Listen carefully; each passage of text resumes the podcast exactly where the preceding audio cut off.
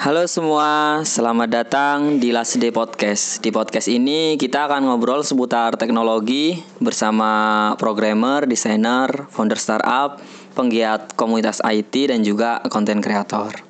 Nah, kali ini uh, bersama saya Irsat. Kali ini kita akan ngobrol bersama salah satu developer idola saya. Jadi uh, uh, kita kedatangan tamu dari foundernya kawan coding mungkin sebagian dari teman-teman yang sudah mengikuti Last Day pasti tahu dan teman-teman yang belum mengikuti nanti beliau akan kenalan sendiri jadi di podcast ini mungkin opening dari saya adalah sesuai judulnya kita akan ngebahas dari developer menjadi konten kreator Nah ini adalah idola saya yang biasanya memberikan sampai saya kenal podcast dulu dari beliau ini. Oke kita berikan waktu untuk Mas Amirul untuk memperkenalkan diri. Terima kasih sebelumnya Mas Amirul sudah mampir di podcast saya. Oke, terima kasih Mas Irsat udah diundang di podcastnya Last Day ya. Sebuah kebanggaan. Mas Irsat ini senior ya di dunia perkontenan. Oke, kenalin uh, saya uh, Muhammad Amirul Ihsan atau biasa dipanggil Amirul. Uh, saat ini kerjaannya uh, ngurusin kawan coding aja. Jadi kalau dibilang founder ya bukan founder sih. Apa ya? Lebih seneng dipanggil kreator sih. Jadi emang kerjanya ya, ya bikin-bikin sesuatu lah di kawan coding. Jadi kalau founder nemu kan, kalau founder itu kan penemu kan. Oh iya penemu ya. Soalnya kawan coding nggak ditemuin, jadi dia itu dibikin, bukan Iya. ditemuin. Oke, udah gitu aja sih. Owner owner mungkin dimiliki dimiliki. Janganlah. Nanti kalau lepas gimana? Oke oke. Ah ini kan karena materi kita konten kreator juga, jadi mungkin selain kawan coding ada yang mau dikenalin. Saya Aduh. tahunya dulu, saya tahunya dulu kalau boleh saya mention ada si Dorjos. Oke, oke, sekarang itu kan eh, kontennya kuliner sih. Sebenarnya ada konco kuliner. Jadi itu kayak pas gabut banget ya, gabut terus ya bikin konten ngefoto-ngefoto makanan sih. Walaupun fotonya sebenarnya nggak bagus, cuma eh, intinya Bagus berbagi bagus sih saya berbagi follow. tempat terus ah, berbagi tempat sorry berbagi info tentang kuliner sih dan itu ya sekitar sekitar tempat tinggal karena kerjanya ya di desa kan ya kulinernya di sekitar sana aja jadi tapi dari situ eh, eh, lumayan lah ada ternyata bisa menghasilkan dari situ. Oke. Nan- mungkin nanti dibahas kalau emang tertarik ya. Iya ya pasti ter pasti tertarik lah kita. Dunia konten kan sekarang lagi apa ya banyak banget gitu kan. Sampai kemarin itu yang paling saya ingat salah satu youtuber bilang mungkin sekarang orang melihat TikTok sebelah mata gitu kan. Tapi lihat dulu Facebook sama Instagram juga masih sebelah mata tapi kayak gitu. Jadi konten saya kira Tapi itu juga TikTok ini kayaknya emang eh, bakalan hype ya. Eh, Gary Vee pun ngomong TikTok adalah sesuatu di Iya, masa depan. Maksudnya mungkin sekarang marketing masih di Instagram, nggak menutup kemungkinan ke depan itu eh, TikTok itu adalah platform masa depan. Itu kata Gary Vee. Oke nice Selamat berbangga hatilah kalian para tiktokers Tapi kok kayaknya aneh ya gitu ya. Marketing di TikTok gitu kan. Oke oke. Eh, mungkin jadi pertanyaannya jadi apa ya masa coding perlu dibahas nggak sih kayaknya? Terserah sih. Nanti mungkin di bagian op- di bagian oprek aja mungkin ya. Apa tuh? Di bagian di bagian nguliknya aja. Eh, kita ngebahas konten kreator nih. Mungkin saya nanti ngebahas tentang developer atau tentang apa ya stack kayak Laravel mungkin ada beberapa orang yang ada sama Mas Amirul kita sayang banget kalau nggak ngebahas tentang konten kreatornya mungkin gitu Yo. ya. Uh, jadi uh, karena tadi saya udah bilang bahwa salah satu panutan saya tentang konten kreator gitu kan.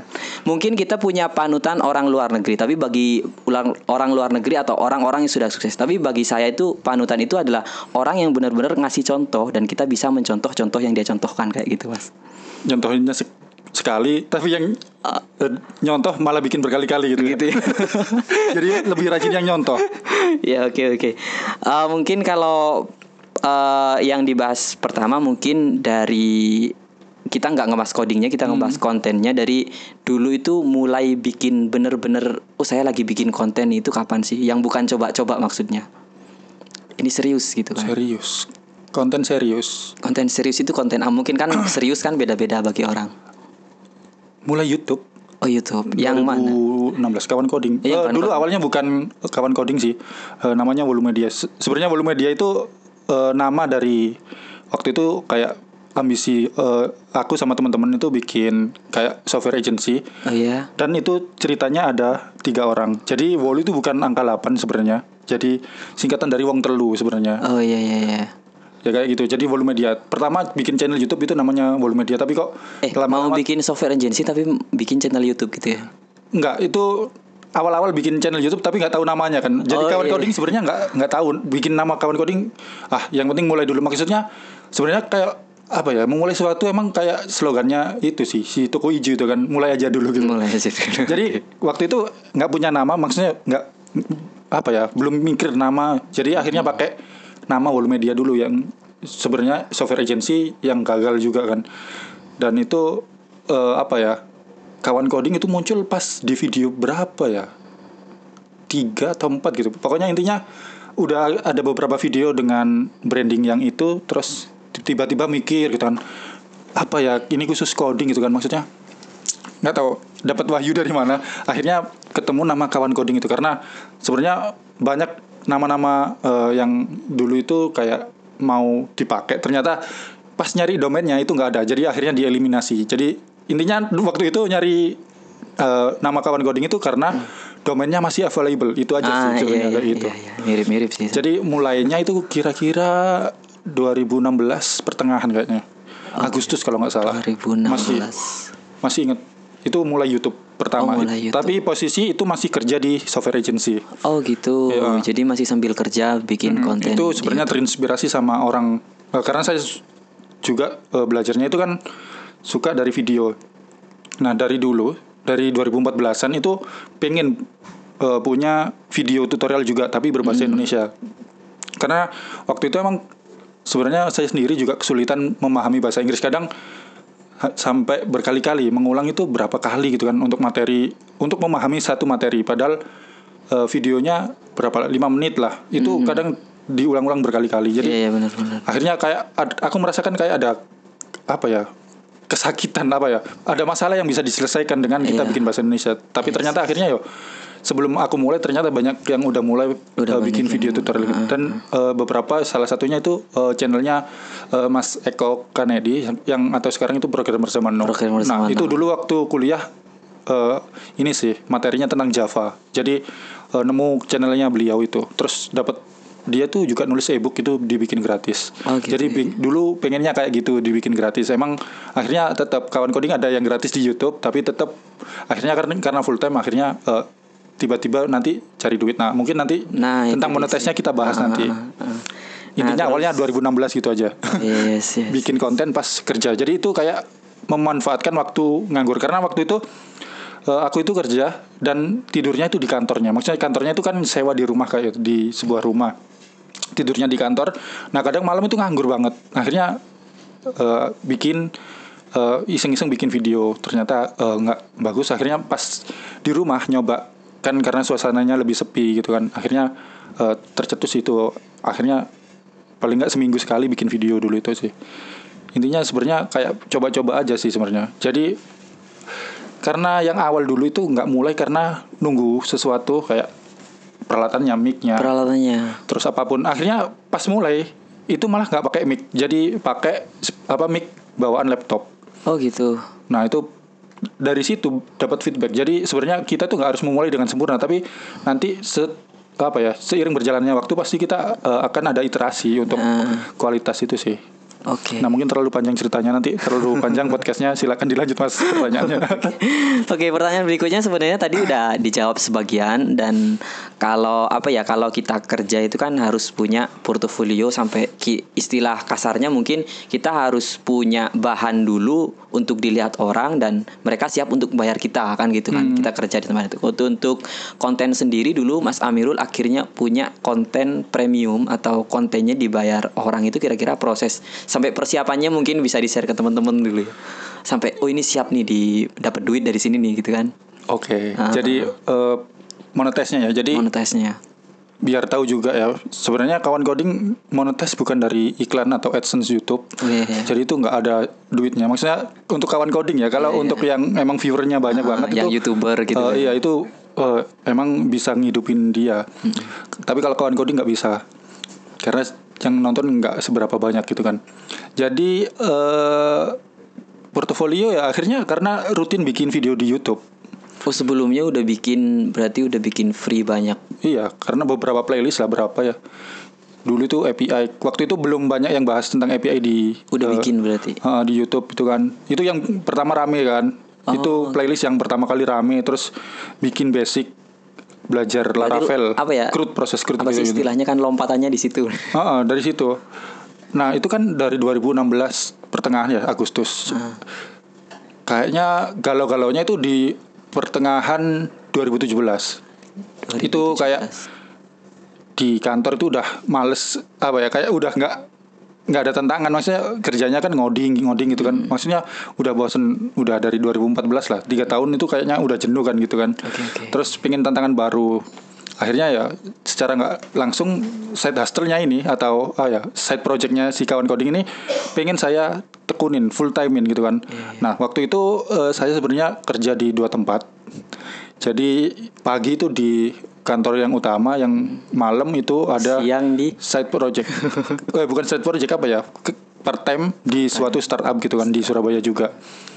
Nah waktu itu akhirnya yang pertama itu startupnya bubar Oh, karena bubar. investornya kabur gitu kan. Ah, iya, iya. akhirnya alhamdulillah nggak pakai resign udah bubar gitu kan. Yang kedua ini yang agak susah karena saya resign beberapa kali ditolak. Maksudnya nggak dibolehin resign. Jadi Oh, iya, iya. itu pakai penghambat banget sih. Kayak udah dari bulan berapa itu mau resign itu nggak bisa tapi akhirnya bisa resign itu di akhir 2017 itu akhirnya karena emang gini dulu niatnya bikin kawan coding eh, bukan bikin kawan coding ngefull timein kawan coding kalau aku masih kerja itu pasti aku nggak bisa totalitas gitu kan maksudnya Iya, iya. karena aku masih punya pendapatan Mm-mm. jadi aku bisa kerja dan optimal itu biasanya kalau posisiku tertekan. Akhirnya aku resign dari semua kerjaanku, terus akhirnya ya itu fokus di kawan coding dan itu sebenarnya didorong juga sama Mas Agung. Mas Agung. Mas Agung Setiawan ID Rails. buka lapak dulu Ah, ah. ya. Nah itu sebenarnya juga yang bikin aku semangat. Waktu Oh, iya, itu iya. kawan coding kan bukan apa-apa, tapi waktu itu di Waktu itu bukan apa-apa. Ya sekarang masih sama sebelumnya. kan maksudnya belum maksudnya apa ya? Channel yang masih ecek-ecek lah hitungannya masih baru banget. Ternyata ada yang komen itu dari Mas Agung itu kan. Ternyata Mas Agung ini maksudnya dia tuh bilangnya terinspirasi dari kawan coding gitu kan. Padahal Weh. saya sendiri juga terinspirasi, Terinspirasi dari dan Mas Agung. bikin semangat karena dia komen maksudnya wow. Aku bikin video ini maksudnya video yang enggak kualitasnya ya biasa aja. Biasa aja. Ternyata Waktu itu waktu itu biasa aja. dari seorang developer di Bukalapak itu kayak Iya. kebanggaan banget kan jadi kayak semangat terus akhirnya dari situ kenal Mas Agung sering sharing sampai akhirnya Mas Agung itu malah bikin duluan kelas premium. Oh iya dulu bikin nah itu duluan. dia lebih dulu mulainya. Terus itu sering chatting ayo Mas kapan bikin untuk premium Laravelnya? kan. Oh iya, iya. nah dia ngedorong itu akhirnya ya udah sekalian resign semua kerjaan bikin eh, kawan coding ini. Itu cuma punya cadangan berapa maksudnya nggak seberapa untuk hidup pokoknya intinya tabungan itu tak siapin cuma buat setahun. Jadi kalau setahun ini habis berarti eh, usahaku gagal. Aku harus kerja lagi gitu kerja lagi. dan ternyata sampai sekarang masih bertahan ya untuk Masih eh, bertahan. kawan coding untuk kelas Laravel dan ceritanya itu kalau eh, apa ya nggak sekeren itu kelas yang udah jadi itu nggak. Jadi bikin kelas itu materi belum ada. Jadi bikin pendaftaran dulu. Ternyata banyak yang daftar. Akhirnya ketika tahu banyak yang daftar itu baru rekaman materi. Oh iya. dan akhirnya eh, tiap hari rekaman terus gitu kan. Maksudnya karena harus ngejar materi. Hmm, karena udah materi ada, itu kan udah ada yang ini uh-uh, ya, udah ada daftar. tiap minggu eh, apa? Tiap minggu harus dibagikan materi baru. Oh iya iya. dan waktu itu di rumah masih belum ada koneksi internet. Masih ngandelin koneksinya smartfriend Oh iya. dan itu masih mahal banget waktu itu kuotanya berapa ratus ribu cuma dapat 10 giga atau berapa gitu kan akhirnya waktu upload karena videonya gede-gede akhirnya ketika upload cari wifi corner terdekat Hmm. kayak gitu jadi apa ya kalau dilihat-lihat atau diceritain itu lucu sebenarnya. Masa dulu tuh Mungkin ini sampai Mas Amirul perlu share lokasinya di mana sih orang-orang mungkin di penasaran. Krian ya. Kalau ada yang tahu Krian itu di daerah Sidoarjo Barat. Sidoarjo. Itu jauh banget dari Sidoarjo, lebih deket ke Mojokerto sebenarnya. Jadi kalau misalnya aku ke Surabaya ke Sidoarjo itu sebenarnya jauh banget. Dan itu ada satu-satunya Telkom yang ada WiFi cornernya waktu itu dan untungnya sekarang sih udah banyak yang banyak tempat yang ada WiFi cornernya kan. Tapi dulu itu di sana. Bahkan hujan-hujan pun di sana. Dan itu ada satu temanku yang selalu aku ajak sih. Maksudnya ngajak ngobrol maksudnya nunggu uploadan selesai itu kan butuh teman ngobrol gitu kan Iya. itu ada temanku itu temen emang dari kecil sih emang dia bantuin aku terus dan alhamdulillah sampai sekarang ya masih temenan. Maksudnya emang kita itu gini saling bantu lah. Maksudnya ada teman yang bener-bener dari kecil sampai sekarang itu masih nempel sama Oh aku. iya iya iya. jadi kalau dikiranya kawan coding mulus banget dari awal enggak lah. Ya kayak gitu. Lebih perjuangannya ya. Kalau jadi niat niat banget beli apa voucher yang dulu masih lima ribuan wifi itu untuk upload materi. Jadi kayak ya kayak gitu. Demi tiap minggu untuk eh, ngasih materi baru. Ngasih Jadi materi baru. hampir tiap eh, minggu selama tiga bulan.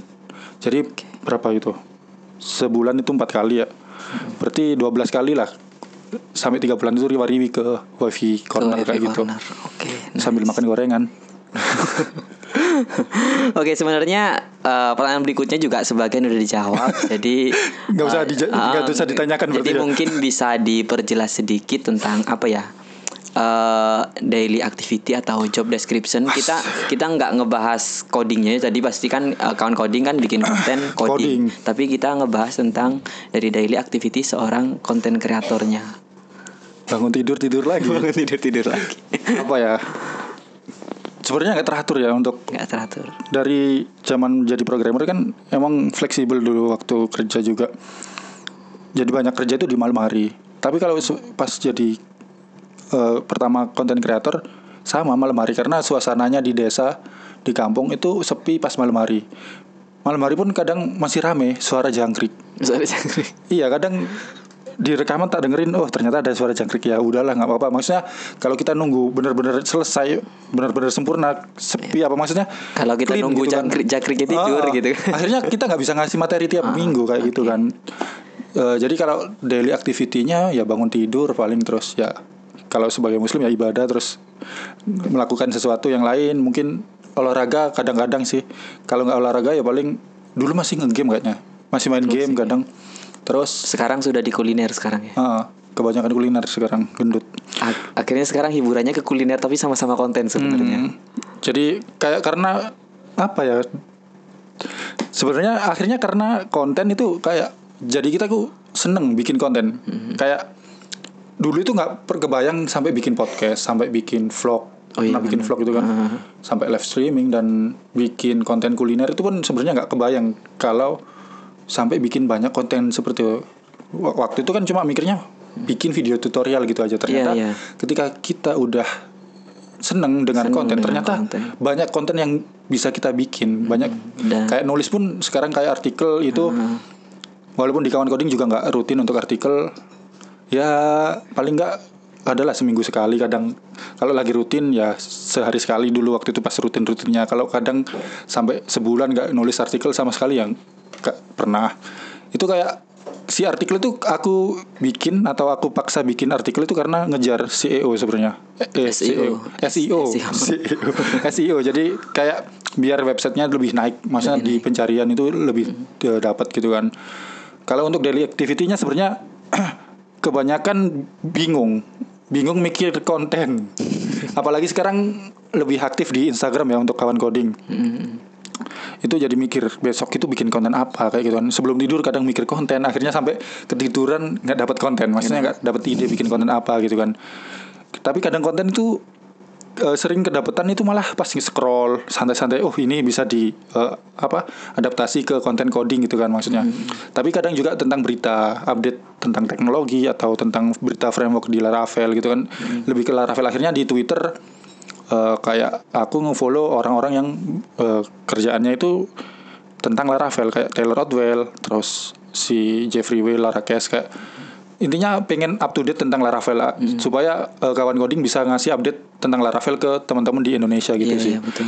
Kan kadang orang-orang males kayak gitu. Maksudnya nggak ngikutin yang eh, Twitternya si kreator di sana. Maksudnya jarang. Nah, circle-nya kan beda-beda mereka nggak mungkin jangkauannya yang belum ke sana. Emang beberapa emang ada, cuma kan nggak semua. Jadi karena kita bisa merangkul mereka ke circle apa merangkul mereka ya jadi kita sampaikan aja Iya. info yang kita dapetin di circle yang di Twitter itu ke grup Facebook gitu kayak kan gitu sih. kadang orang-orang takut kadang kalau mau bikin konten kan takut oh enggak udah ada channel ini yang terkenal kadang kan orang mi- Hmm. Iya. mikirnya kayak gitu padahal enggak Iya. kita itu kalau sudah bikin channel kita udah punya lingkaran sendiri Ah. sebenarnya Jadi apa ya kita itu eh, intinya sebenarnya ya cari informasi sih. Kalau kegiatan jadi kreator intinya informasi terus apa ya motivasi kadang sih. Kadang jadi kreator tuh masalahnya tuh bukan inspirasi atau kontennya kadang malesnya itu yang jadi masalah.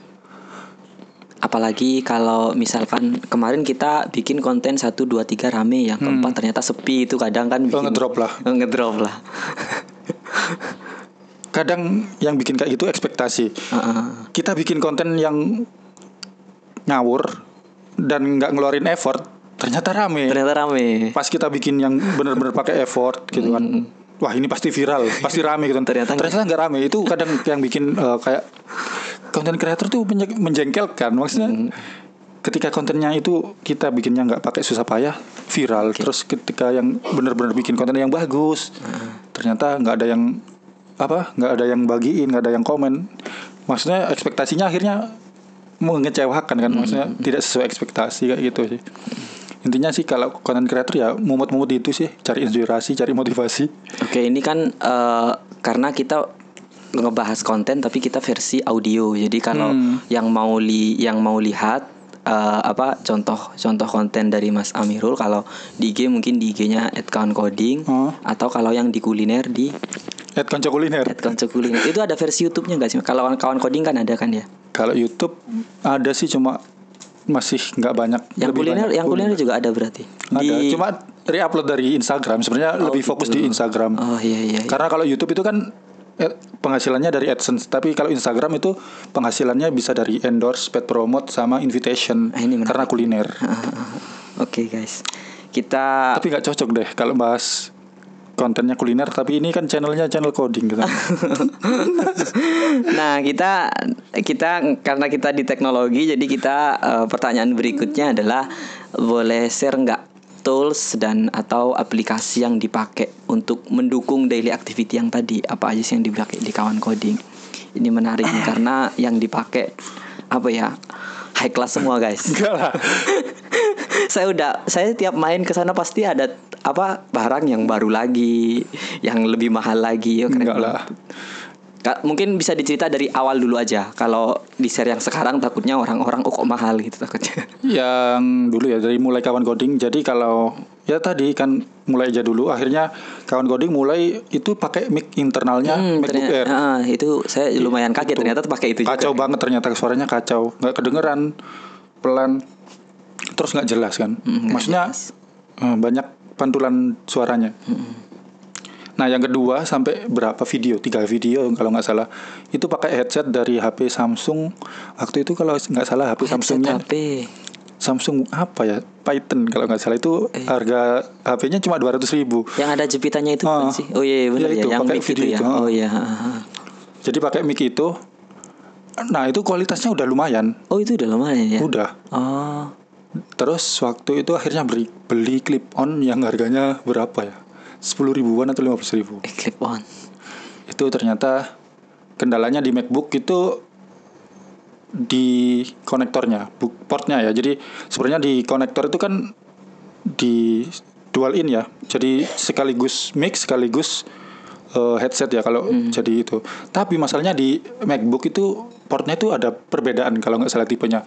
Bener sama-sama TRRS tapi TRRS itu yang eh, apa ya? Garisnya itu ada tiga tuh ya di mikrofon itu ada tiga garis hitam itu TRRS. Tapi itu nggak bisa jalan di MacBook secara langsung kalau nggak salah waktu itu. Ternyata tak cari-cari ternyata ada tipenya, maksudnya beda sama yang dipakai di laptop-laptop biasa kayak gitu. Iya, Ini yang mengerti kayaknya cuma Apple fanboy aja kayaknya. Saya aja nggak ngerti soalnya. Aku sebenarnya nggak ngerti karena tapi karena heran kenapa nggak bisa dipakai Kenapa? gitu kan. Oh, iya, iya. Jadi kepo. Terus akhirnya mic yang benar-benar proper itu mic pertama eh, Samsung Meteor. Nah, ini itu dia. 700 ribuan lah awal Oh, dulu. gitu. Itu pakai USB dan itu tinggal plug and play. Jadi itu udah nggak pakai mikir maksudnya tinggal tancepin di laptop terus kita udah bikin bisa bikin rekaman. Hmm. Dan itu suaranya udah lumayan menurutku sih. Itu sampai itu masih di video free sih. Maksudnya di konten YouTube aja untuk Oh, itu bikin masih itu. free. Hmm. Oh iya iya iya. Waktu itu emang nggak pernah mikir bikin konten berbayar, tapi emang waktu itu. Emang konten kreator sejati intinya ya. Aku pengen bikin konten yang lebih bagus gitu. Intinya improve terus kan gitu. Yes, yes. Terus akhirnya nggak lama aku sering sering apa seneng nontonin review mikrofon terus akhirnya oh ada mikrofon Samsung lagi nih yang lebih bagus. Oh, iya, Itu Samsung C01 U Pro. Oh iya iya. Nah itu karena dia apa ya? Aku ngertinya ngerti polar pattern tipe mic ya gara-gara kepo kayak gitu kan. Pengen punya kualitas audio yang lebih bagus. Dan untuk C01 U Pro itu lebih bagus karena apa ya super cardioid kalau nggak salah itu eh, daya tangkapnya itu dari depan doang gitu ya. Ah, itu harganya dulu berapa ya? Satu juta seratus itu nyicil dari kantor. Jadi kantor ada program cicilan ngebeliin itu jadi biar kerasa ringan aja sih. Oh iya iya. kan kayak uh eman rek mahal-mahal buat beli mic doang gitu kan Kalau bisa dicicil kenapa Ah, enggak gitu ya? jadi kantornya yang bikin cicilan gitu kan itu se- sejuta seratusan kalau nggak salah waktu itu micnya itu kayak itu masih free kayaknya eh enggak itu udah masuk ke bagian premium juga konten sih premium. konten premium yang Sebagian. bagian awal-awal Hmm. karena selanjutnya itu akhirnya upgrade mikrofon lagi Oh iya. upgrade mikrofon itu gara-gara apa ya brandnya Audio Technica. Itu terkenal micnya bagus-bagus dan eh, lihat review juga suaranya lebih gurih gitu kan.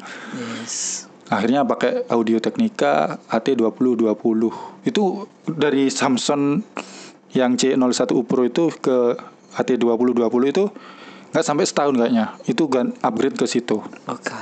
sebenarnya kayak sayang banget gitu kan. Tapi itu belinya second sebenarnya. Dan tapi second masih mahal sih berapa itu? Satu sembilan sembilan hampir 2 juta pokoknya 2 juta sama ongkirnya kalau nggak salah itu ah, sebenarnya kayak nggak percaya aku ngeluarin duit segini buat mikrofon gitu kan Mm, buat mikrofon. tapi banget ya. Heeh, tapi akhirnya nanti orang-orang itu kayak mungkin kalau baru bikin konten kayak ngapain beli segitu. Iya, tapi, tapi- nanti kalau dijalani ternyata enggak. Itu memang oh ternyata kita memang butuh itu gitu kan. Iya. Heeh. bahkan sampai nanti mungkin nggak banyak yang nggak percaya sih tapi itu akhirnya terjadi juga. Mm, and then? Akhirnya eh sebelum upgrade mic itu kan eh ini sebenarnya punya stand. Jadi beberapa kali ganti stand. Ada yang stand di tanah atau standing mic yang dari tanah di lantai gitu ya. Yang mic di Ah, masjid mimbar itu. Ah, ya. kayak gitu. Itu dua kali ganti kayak gitu. Yang satunya nggak ada mereknya akhirnya ya- yang kedua pakai merek Samsung. Terus karena nggak nyaman akhirnya beli yang di meja. Itu yang harga 180 ribuan. Ternyata masih aja ada yang kurang maksudnya nggak serak gitu kan. Akhirnya cari review lagi. Ternyata ada stand mic yang mereknya Rode nah itu masih kayak bingung banget bimbang banget. Masa stand mic harganya di atas satu juta gitu kan? Goblok banget gitu kan. Tapi akhirnya lama-lama emang kayak bikin kesel gitu kan. Stand mic ngaturnya tuh susah terus lihat reviewnya oh kok enak ya maksudnya tinggal ditarik udah standnya tuh udah nurut langsung gitu kan Oh, iya. akhirnya eh, wis ya udahlah Ya nggak apa-apa inilah, duit gitu. ini buat beli itu gitu kan akhirnya maksudnya walaupun sebenarnya itu kayak apa ya ada penyesalan gitu kan tapi ternyata ketika dibeli ya emang bermanfaat Ah, untuk emang- content emang- creator Emang bantu ternyata. Hmm.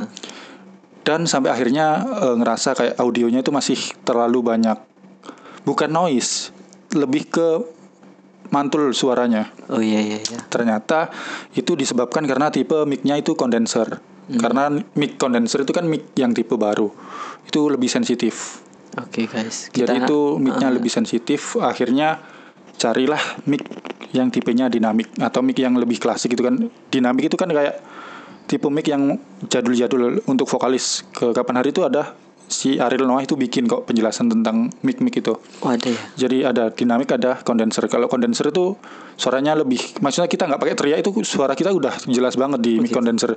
Cuma jeleknya kondenser ya itu tadi karena dia terlalu peka. Suara-suara yang dari jauh pun atau dari luar itu biasanya ikut masuk. Walaupun dengan Suara pola tikus penangkapannya itu kardioid. Nah kardioid kan itu harusnya pola tangkapnya itu dari depan aja. Kalau kayak omnidireksional itu kan dari dua arah atau dari depan belakang. Pokoknya banyak lah. Eh bidireksional kalau nggak salah yang depan belakang. Itu banyak kok tipe penangkapan suara dari mic itu. Jadi kalau emang eh, intinya kalau mau buat take vokal atau kayak bikin podcast, buat bikin screencast, eh, saya lebih saranin untuk pakai mic yang tipenya dinamik karena dia itu nggak terlalu peka sama suara. Jadi kalau kita mau bikin konten itu lebih aman walaupun ada suara-suara dari luar itu yang masuk lebih sedikit. Terus untuk eh, untuk peredam ruangannya ya nggak terlalu butuh banyak karena dari mic-nya pun sendiri udah nggak begitu Oh peka. iya iya. ha, Udah didukung mic-nya. Heeh, karena mic-nya udah nggak terlalu peka jadi untuk pantulan suara itu udah juga nggak masuk maksudnya kayak apa sih mendengung gitu kan biasanya kalau di itu jadi kalau kayak pakai mic dinamik itu kita nggak pakai soundproof seperti itu pun udah lumayan aman kalau pakai kondenser nggak pakai itu pasti suara di mic-nya atau hasil suaranya itu pasti berdengung gitu sih Tapi memang dulu waktu saya jadi pendengar aja atau cuman lihat aja saya nggak tahu bedanya yang dengung atau yang nggak dengung. Tapi akhirnya ketika bikin sendiri akhirnya oh gini dengung. Kerasa banget ya? Heeh, heeh. Dan sekarang Last Day udah full soundproof kamarnya ya Nggak masih masih sekitar kayak kandang bebek eh kayak itu ya bakul telur ya kandang ayam. jadi itu emang tapi bermanfaat banget sih jadi kayak sebenarnya kalau pengetahuan tentang pembuatan konten eh Udah belajar pernah- otodidak sebenarnya gitu. Heeh. Eh, kawan coding atau pernah bikin nge-review gitu nggak sih? Review environment mungkin atau? Enggak belum pernah. Tadi kan kayak pengalaman mic-nya kayak dalam banget udah nih. itu karena sering kabut ya. Oh, iya. jadi kalau nggak bikin konten akhirnya dulu itu sering banget apa ya dengerin review mic terus cari informasi tentang mic. Oh ternyata mic itu ada tipenya ini terus tipe penangkapan suaranya itu ada tadi eh, omnidirectional ada cardioid supercardioid dan lain-lain itu banyak banget. Jadi itu secara nggak langsung kita pelajari karena kita bi- pengennya bikin konten yang lebih bagus kayak gitu sih. Jadi nggak ada yang ngajarin mic itu ini ini nih nggak ada. Jadi semuanya kan udah ada di YouTube gitu kan sebenarnya. Di- ah. bukan di YouTube sih di internet tepatnya sebenarnya. Jadi belajar kayak gitu. Terus kayak ngehandle noise biar nggak noise itu gimana sih? Ternyata eh, ada kayak harus dipasang busa. Kayak di mana sih posisi yang tepat gitu kan. Kalau dulu kan dulu sebelum pakai soundproof seperti itu seperti busa ya cara ngakalinnya cuma naruh bantal di belakang monitor. Karena Oh, bisa gitu ya. suara yang bakal mantul lebih deket itu kan suara yang di Arah- belakang monitor arah- kan. arah suara itu dari ya. tembok kita. Jadi kita suara kita keluar terus nabrak tembok akhirnya masuk ke mic. Itu yang parah. Akhirnya waktu itu ngakalinnya cuma dikasih bantal aja di belakang monitor. Eh dulu saya nanya langsung dikasih saran soundproof. Kalau dibilang kayak gitu mending saya pakai bantal aja sih. kan season kan daripada susah-susah. Maksudnya Iya. solusinya yang permanen gitu kan. Nah intinya kalau emang tujuannya untuk bikin podcast atau screencast eh, saran saya lebih baik ambil tipe dinamik karena dia emang fo- fokus untuk ambil vokal Ah, suara. arah arah arah Ah, mulut kita gitu kan. dan emang nggak peka gitu kan. Mm-mm, Peka suara di sekitar. Nah, kalau masalah tipe inter- interface-nya itu eh, kayaknya kalau untuk pemula lebih baik USB karena pakai and play aja. Kalau pakai yang XLR itu kan harus pakai audio interface atau mixer kayak gitu kan. Oh gitu. Dan kalau yang pakai seperti itu misalnya yang pakai kondenser, audio interface-nya itu harus ada phantom power supaya dia punya eh, tenaga mic-nya. Oh bisa kayak gitu juga. Iya, kan eh, apa ya butuh tenaga untuk mic yang kondenser apa ya karena emang beda teknologinya udah beda jadi dia butuh listrik tambahan untuk Ah. ngaktifin micnya kayak gitu sih Iya, iya. Kayak jadi speaker. Hmm. mungkin itu aja sih kalau gear-gearnya sih Nggak- pokoknya intinya mic sih kalau untuk toolsnya ya softwarenya itu Ah, pakai softwarenya. ScreenFlow kalau di Mac Di Mac. di Mac OS pakai ScreenFlow Kalau di Windows mungkin eh, saran saya pakai Filmora karena Camtasia itu terlalu mahal juga. Kalau Dan, dan Filmora. dan berat sih sebenarnya. oh ya, Heeh, karena sih berat. kalau Filmora itu cuma Filmora screen ya untuk screen recordingnya itu 500 ribuan lah kalau nggak salah. Itu lifetime untuk update-nya. Jadi kalau dia ngeluarin versi baru kita dapat Oh, iya, itu enaknya. Tapi kalau di Mac OS itu kesalahan saya. Sebenarnya Filmora ternyata ada untuk Mac OS ya. Oh gitu. Nah, ScreenFlow itu belinya awal itu 99, terus ada upgrade itu 40 dolar kalau nggak salah. Jadi kayak hampir separuh harga dari softwarenya. Iya, iya. Jadi dan sekarang udah ada upgrade lagi versi 9 gitu kan.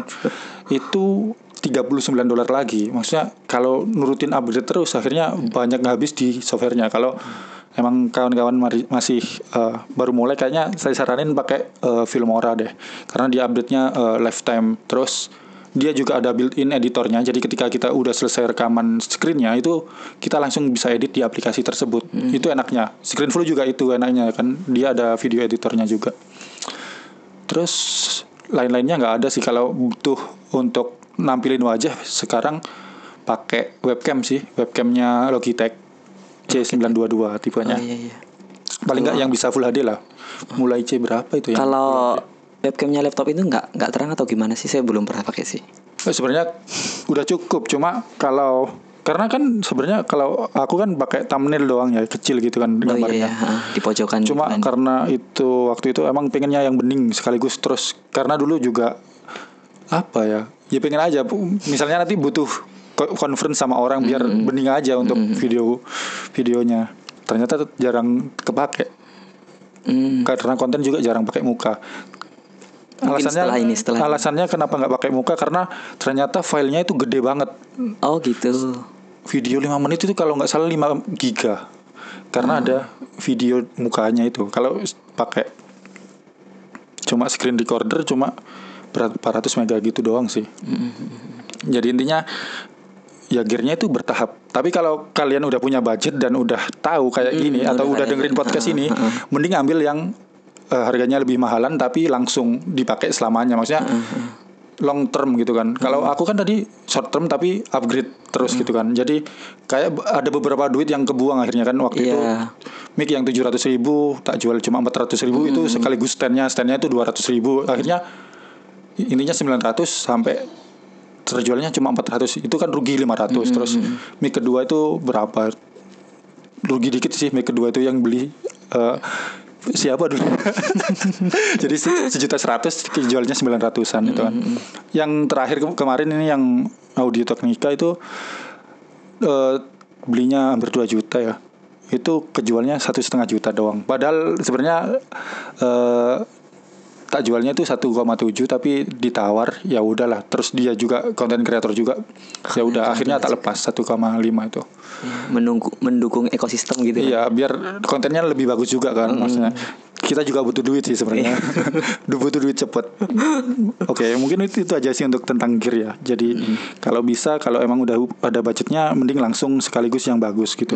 Jangan nanggung. Heeh, karena ya ada plus minusnya pastinya. Teman paling enggak ya gitu kalau teman-teman apa beli yang terlalu murah, nanti biasanya kalau ternyata bikin kontennya asik pasti akhirnya ganti. Iya, pasti Akhirnya- pengen upgrade kan. pengen upgrade akhirnya yang lama itu nanti kalau dijual lagi murah kalau langsung kejual kalau enggak kan akhirnya punya dua barang yang dipakai cuma satu. Nah itu. Heeh. audio teknik aku hampir setahun nganggur. Dan itu nggak kepake ngapa-ngapain. Iya, kan iya. sayang kalau kayak itu kan. Oke lanjut ini udah hampir sejam. Oh iya belum belum. And next mungkin ini langsung di kan tadi hampir semua masalah apa ya bukan hanya konten kreator mungkin juga entrepreneur atau yang bikin usaha kecil-kecilan lah pasti mereka itu sebenarnya sudah bikin batas sebenarnya kayak Mas Amirul tadi kan sudah bilang kalau kalau nyoba setahun nih kalau gagal ya udah kerja lagi gitu kan. Lah akhirnya keputusan untuk oh ini kayaknya lanjut deh gitu kan. Itu kak ketika apa kira-kira? Apa ya? ini bener nih keputusan saya oh iya ini bener nih bikin kawan coding harusnya gitu kan Sebenarnya karena dari YouTube itu efeknya bukan untuk konten premium ternyata secara nggak langsung itu adalah personal branding kita kan maksudnya itu branding kita walaupun bukan personal maksudnya brandingnya kan emang kawan coding cuma kan orang udah tahu siapa yang The man bikin behind gitu kan. behind, nah. akhirnya offernya itu nggak apa ya kita itu dapat rezekinya bukan cuma dari konten Ah. atau bikin kelas itu cuma emang yang utama tetap dari kelas itu yang eh, paling nggak rutin dibuka tiga bulan sekali ya untuk kelas Laravel itu emang sengaja dibuat tiga bulan sekali untuk ya menjaga kepremiumannya ya Gue premium. Enggak sih sebenarnya kayak biar fokus aja jadi nggak terlalu banyak orang yang ikut jadi misalnya ada yang benar-benar tanya itu bisa dilayanin dengan baik gitu kan. Nah, selain itu akhirnya dapat tawaran dari beberapa kali kayak pelatihan, workshop dan lain-lain. Nah ini yang sebenarnya yang orang-orang kadang awal-awal juga nggak tahu kalau ternyata oh ternyata ternyata bisa ke sini bisa Ya ke sini. itu kan sempat yang dibahas di podcast Mas Irsat sebelumnya ya karir horizontal gitu kan. Jadi satu skill set itu melebar bukan ke atas. Kalau eh, skill apa ya? Kalau perjalanan karir orang yang kerja di perusahaan atau jadi pekerja itu kan skillnya itu vertikal ke atas gitu kan dari pekerja, manajer dan seterusnya sampai si level mungkin ya. Iya. Nah itu kalau kita sebagai content creator ya udah. Berarti Mas Amirul yang dirasakan satu. saat itu kira-kira apa ketika konten kelas udah jalan nih, Hmm. udah jalan kan, terus habis itu, oh ya kayaknya harus terus ini gitu kan, harus bikin konten terus, udah nggak usah mikirin kerjaan di luar gitu. Kira-kira waktu di momen apa sih? Atau nggak inget udah, terlalu lama apa mungkin. ya? Enggak sih sebenarnya kan masih berapa tahun ya. Heeh. karena Mas Amirul lumayan setahu saya sih termasuk salah satu konten kreator yang produktif. Produktif. Ah, karena apa ya? Karena kawan coding ada ternyata juga bikin konten kuliner yang rame loh. Kalau teman-teman kalau dibuka sekarang IG-nya Konco Kuliner itu engagementnya Nggak- lumayan nggak tinggi sebagai apa ya konten yang menurut Pemula saya ya. baru sih tiba-tiba langsung eh udah rame gitu kan ternyata.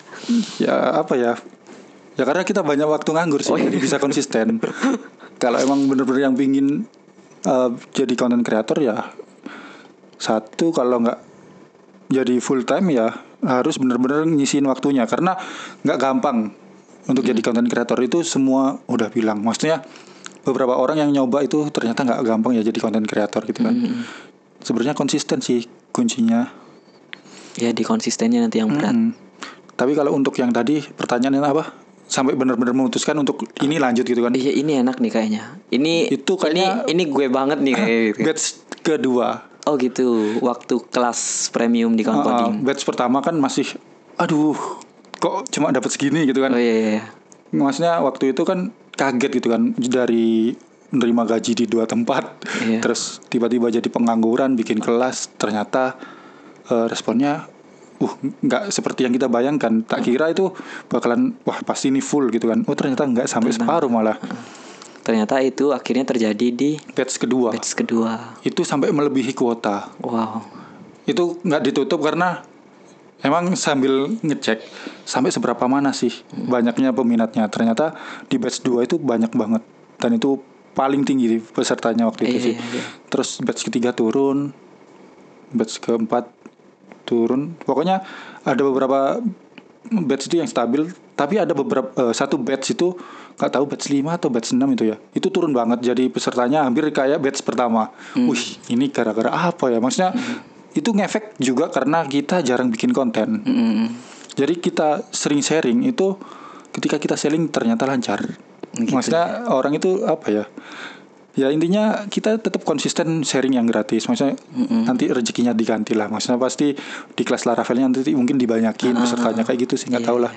Itu nggak tahu itu dari mana maksudnya aturannya dari itu dari mana nggak tahu. Cuma emang ketika waktu itu sering sharing ternyata pesertanya nambah gitu kan.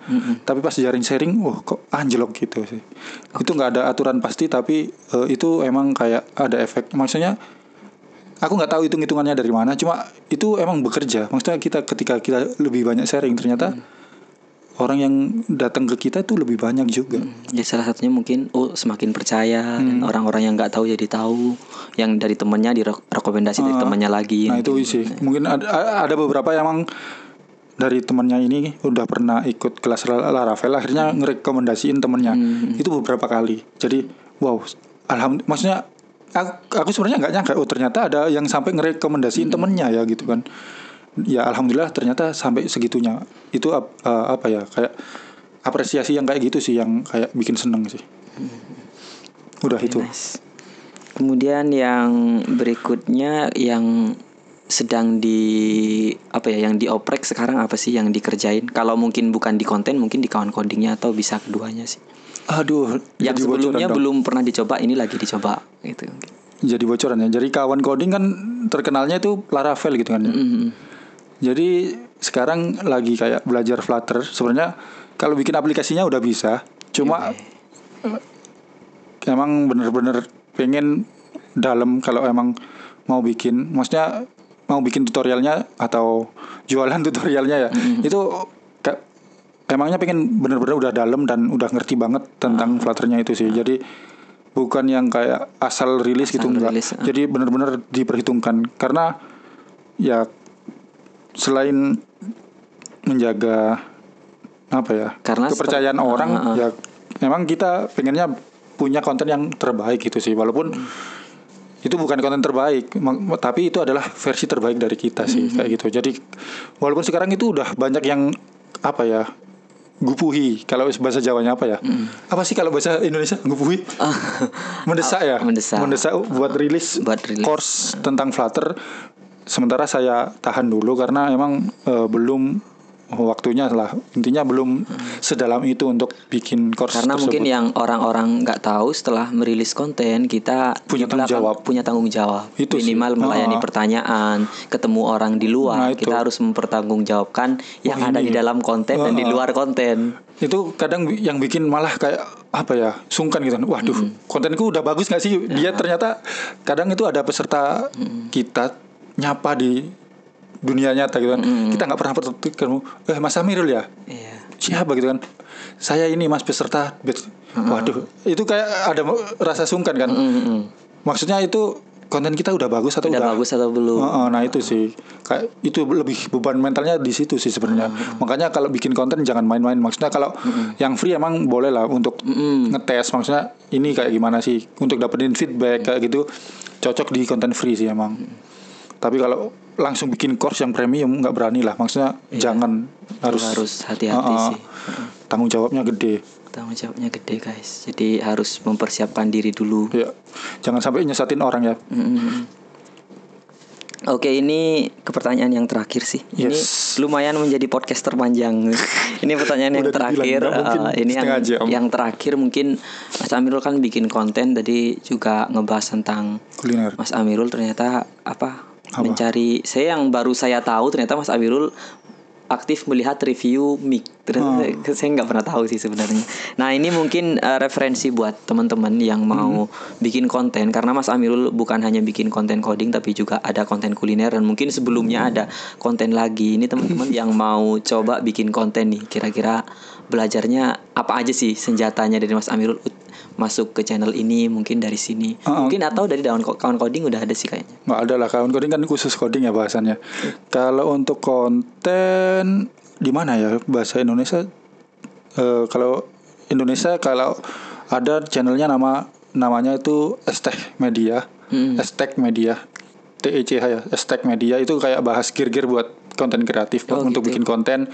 Terus sama kalau emang yang dimulai dari budget yang kecil itu bisa cari namanya channelnya Laikul Fahri. Jadi itu youtuber yang mulai dari nol. Maksudnya dari mic gimana cara pakai mic di HP Android. Karena di HP Android itu ada beberapa merek yang dicolokin mic itu nggak langsung uh, connect untuk Oh, kamera. iya, kalau ah, bener. kamera ya. Ah. Tapi kalau untuk audio recorder udah. Udah, ah. Tapi di kamera tuh enggak. Jadi butuh kayak aplikasi kayak Open Camera itu dibahas di channelnya Laikul oh, Fahri iya iya kalau luar untuk yang review mic yang sering saya dengar atau yang saya lihat di YouTube itu namanya podcast stage stick apa stage ya bacanya. S T A G E stage stage ya Ah, pos- podcast stage jadi emang sebenarnya dia bikin konten bahas mic full mic. Jadi kalau mau tahu tentang mic eh, coba lihat di sana.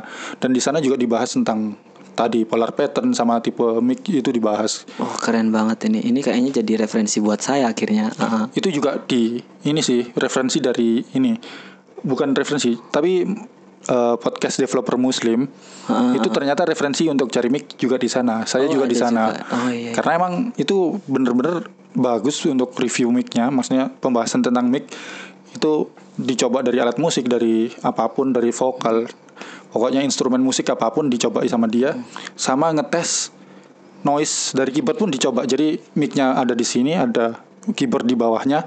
Noise dari mic itu apa dari keyboard sampai ke mic itu seberapa gede sih? Maksudnya kadang kan ada orang yang benar-benar nggak mau noise sedikit pun masuk ke Iya, iya, kontennya. Iya. Ha-ha. tapi ya emang ada beberapa orang yang seneng kalau suara keyboard masuk di kontennya. Itu Saya, saya termasuk yang seneng sih. oh nah itu. Kalau aku kan kurang seneng yang kayak gitu. Jadi ka- keyboardnya juga dari yang nggak bersuara. bersuara. Kalau ada beberapa orang kan sampai pakai mekanikal kan, krek krek krek krek kayak gitu, gurih gitu kan Kayak mesin, suaranya. mesin ketik gitu kan. Emang tipe orang kan beda-beda. Jadi itu bisa dipertimbangkan juga.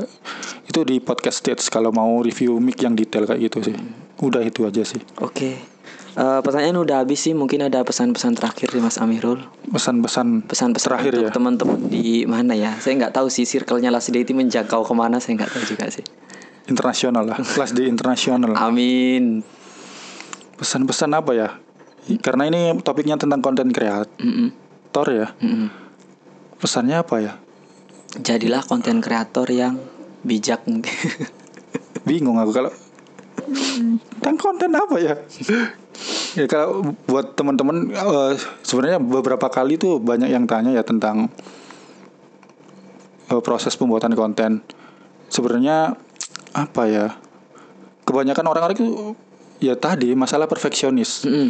gear apa yang dipakai Iya. intinya ya sama sebenarnya kalau nggak jadi promosi si toko itu ya intinya mulai aja dulu sebenarnya Heeh. jadi, Jadi- untuk urusan lainnya itu bisa diimprove sebenarnya Kalau misalkan teman-teman baru nanya nih ke Mas Amirul sekarang, terus Mas Amirul dijawab dengan jawaban versi sekarang, pasti ya kaget yang denger kan. Mic-nya harga berapa? Udah udah beda dari yang dulu gitu kan.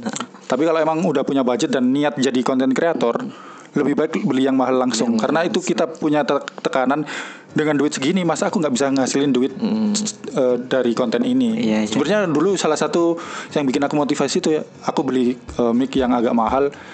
Aku harus bisa ngemba- ngembaliin modal ini dengan eh, bikin konten. Nah, itu juga sih kayak itu gitu juga, sih. itu juga penting sih kayaknya. Ya itu. Kalau berarti intinya kalau bisa di- disimpulin sebenarnya posisikan dirimu eh, eh, pada kondisi di mana kamu tertekan supaya kamu bisa melakukan sesuatu yang terbaik dari dirimu sih. Oke, nice. Itu perlu kita quote nanti guys.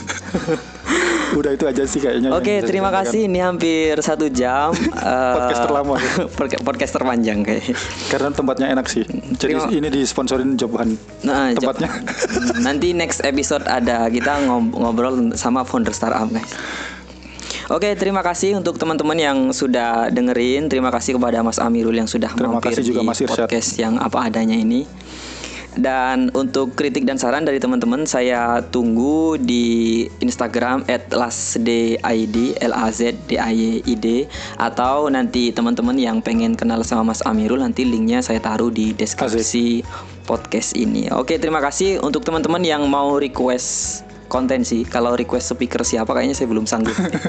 Jadi mau ngebahas apa nih atau ngebahas tentang eh, tag memang yang agak dalam mungkin bisa diatur. Tapi kalau untuk oh ngobrol sama speaker ini wah saya kayak kayak jangkauan belum belum belum ke sana sih. Oke, terima kasih semua. Sampai jumpa di episode berikutnya. See you guys.